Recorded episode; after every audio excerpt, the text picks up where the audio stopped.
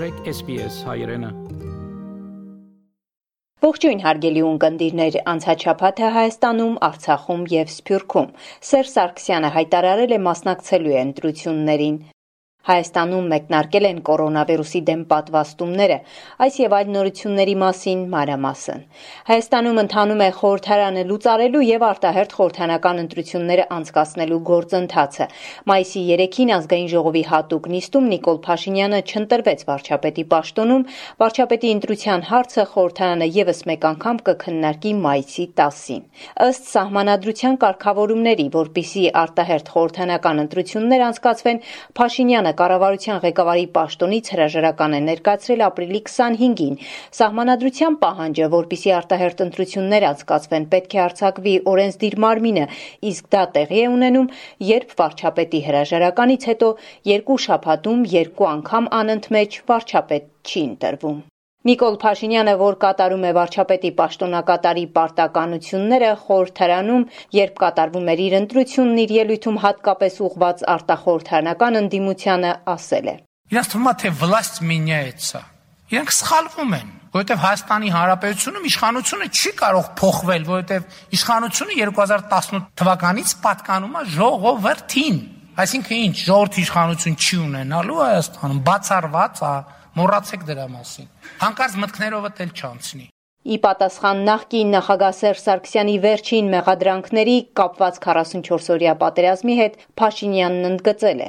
Կանցնեն տարիներ, եւ կբացվի բանակցային գործընթացի փաստաթղթերի բովանդակությունը եւ մենք կպարզենք, որ բանակցային բովանդակությունը փոխվել է, ծրվել է. 2015 թվականի աշնանը, 2016 թվականի ձմռանը։ Եթե Սերժ Սարգսյանը որոշել է, որ ինքը պետքա բացահայտումներ անի, թող բարի լինի պատմել մարդկանց 2015 թվականի աշնան եւ 2016 թվականի ձմռան իրադարձություններին, որից հետո եկել է 2016 թվականի գարունը եւ եղել է ապրիլի 2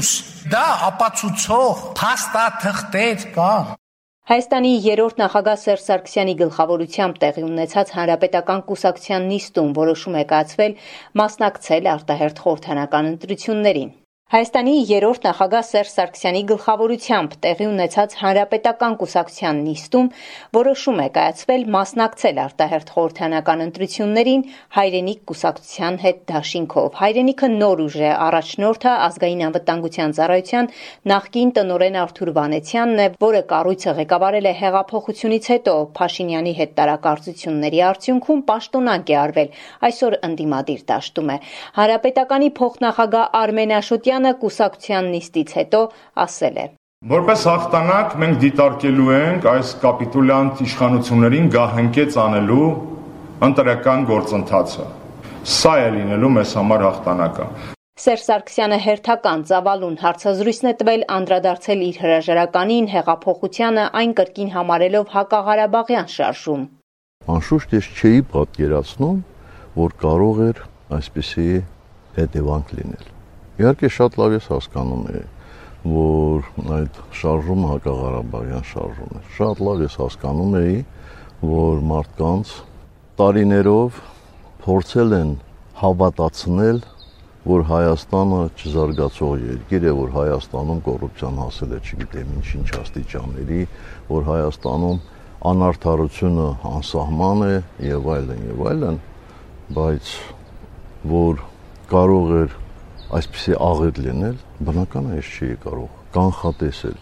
Նախկին նախագահն ասել է, չի պարտվել Փաշինյանին, Սորոսն այդ գործում դեր չի ունեցել, ավելի հզոր ուժեր են իրեն պարտության մատնել։ Նիկոլը ճիշտ էր, ես սխալվեցի, Սերժ Սարգսյանը նաև մեկնաբանել է իր հայտնի արտահայտության իմաստը։ Նիկոլ Փաշինյանը ճիշտ էր, երբ ասում էր, որ ինքը ամեն գնով, կրկնում եմ, ամեն գնով պետք է հասնի իշխանության Ես սխալվեցի կարծելով, որ նրա համար թանկ է Հայաստանի Հանրապետության յուրաքանչյուր քաղաքացու կյանք։ Այս բարդ նախադասությունները ես բարձեցրել եմ նկատի ունենալով հետեւյալ հանգամանքը, որ թեև շատ էսպես པարզ չէր ասված, բայց կարող էր սա ավելորդ լարվածություն առաջացնել։ Օրերս իր աջակիցների հետ հանդիպում է ունեցել երկրորդ նախագահ Ռոբերտ Քոչարյանը ի թիվս այլ հարցերի անդրադարձել, թե ինչպես է Հայաստանը դուրս բերելու ճգնաժամից։ Սային ամենայնիվ ես իմ տպավորությամբ այս վիճակի համար երևի ամենից հարմար ցած կենսագրություն, փորձ եւ գիտելիք ունեցող մարդկանցից է։ Պատճառը սա է. Պատասխանատվության զգացումը երկրի նկատմամբ։ Վերադառնալով ընտրությունների թեմային նշեմ առաջին նախագահ Լևոն Տեր-Պետրոսյանի գլխավորած Հայ ազգային կոնգրեսը արտահերտ ընտրություններին մասնակցելու մասին վերջնական որոշում պատրաստվում է կայացնել մայիսի 7-ի համագումարում։ Հայ հեղափոխական դաշնակցությունը կմիանա Քոչարյանին թե ոչ դաշնակցության գերագույն մարմնի ներկայացուցիչ Իշխան Սաղաթելյանի խոսքով կան բանակցություններ, երբ որ կլինի վերջնական եւ ամբողջական ու կլինի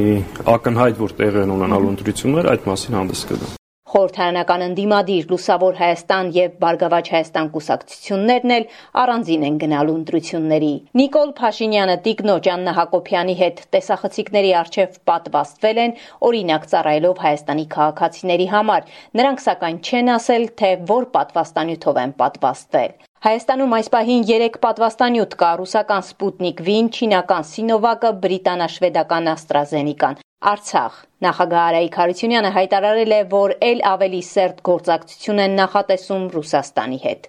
Հայաստան աշխարհի ապագան, այսինքն այդում Հայաստանի Հանրապետության եւ Արցախի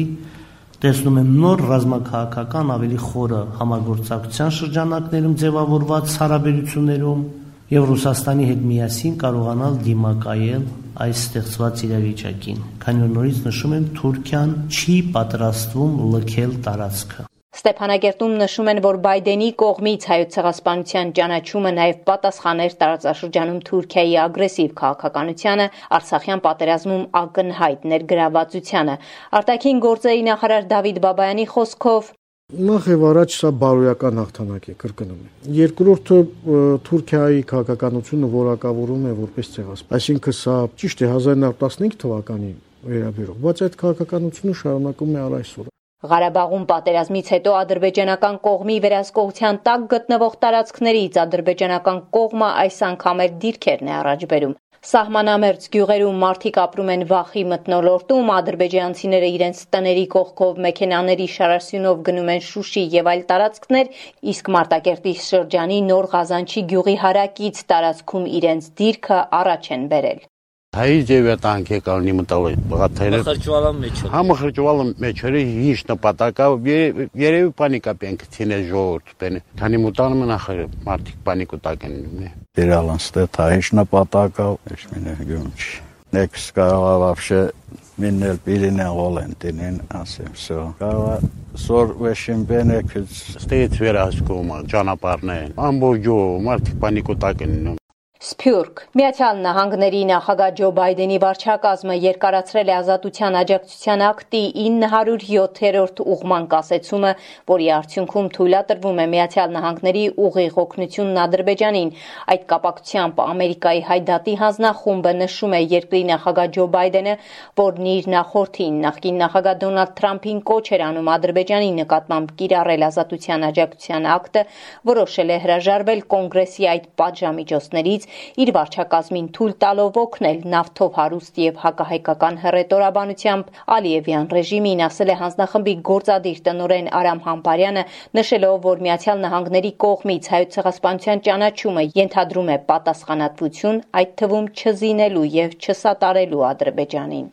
Աշխարհի տարբեր քաղաքներում բողոքի ակցիաներ են տեղի ունենում Ադրբեջանում պահվող հայ գերիների ազատման հարցով։ Լոս Անջելեսում Ադրբեջանի հյուպատոսության առաջ կազմակերպվել է բեմա բեմականացում ակցիա, որով ցույց է տրվել, թե Ադրբեջանը որքան դաժանաբար է վարվում հայ ռազմագերիների հետ։ Գլենդելում հայկական հյուպատոսության մոտ էլ ամերիկահայերը իրենց աջակցությունն են հայտնել Սյունիքին, Ղարաբաղում տեղի ունեցած պատերազմից հետո տեղացիների անվտանգությունը լուրջ խնդիր է դարձել ադրբեջանցիները մոտեցել են Սյունիքի սահմաններին նոր սահմանազատմամբ հայկական տարածքներ տներ ու հողամասեր են անցել ադրբեջանական կողմին վերջերս Նիկոլ Փաշինյանի այցը Սյունիք ուղեկցվել է բողոքի ակցիաներով Սյունիքում բազմաթիվ քաղաքացիներ նրան դավաճան ու կապիտուլյանտ են անվանել վանկարկելով հերացիր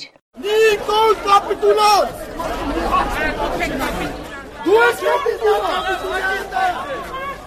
Դու կամաչո, դու այ դու։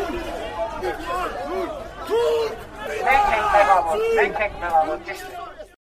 Այսքանը անցնող շաբաթը Հայաստանում, Արցախում եւ Սփյուռքում SBS-ի համար ամփոփեց Գիտե Լիբեկյան։ Կուզես լսել նման բանություններ կընտրե Apple Podcast-ի, Google Podcast-ի, Spotify-ի վրա, կամ որտեղեն որ podcast-ը դուք լսես։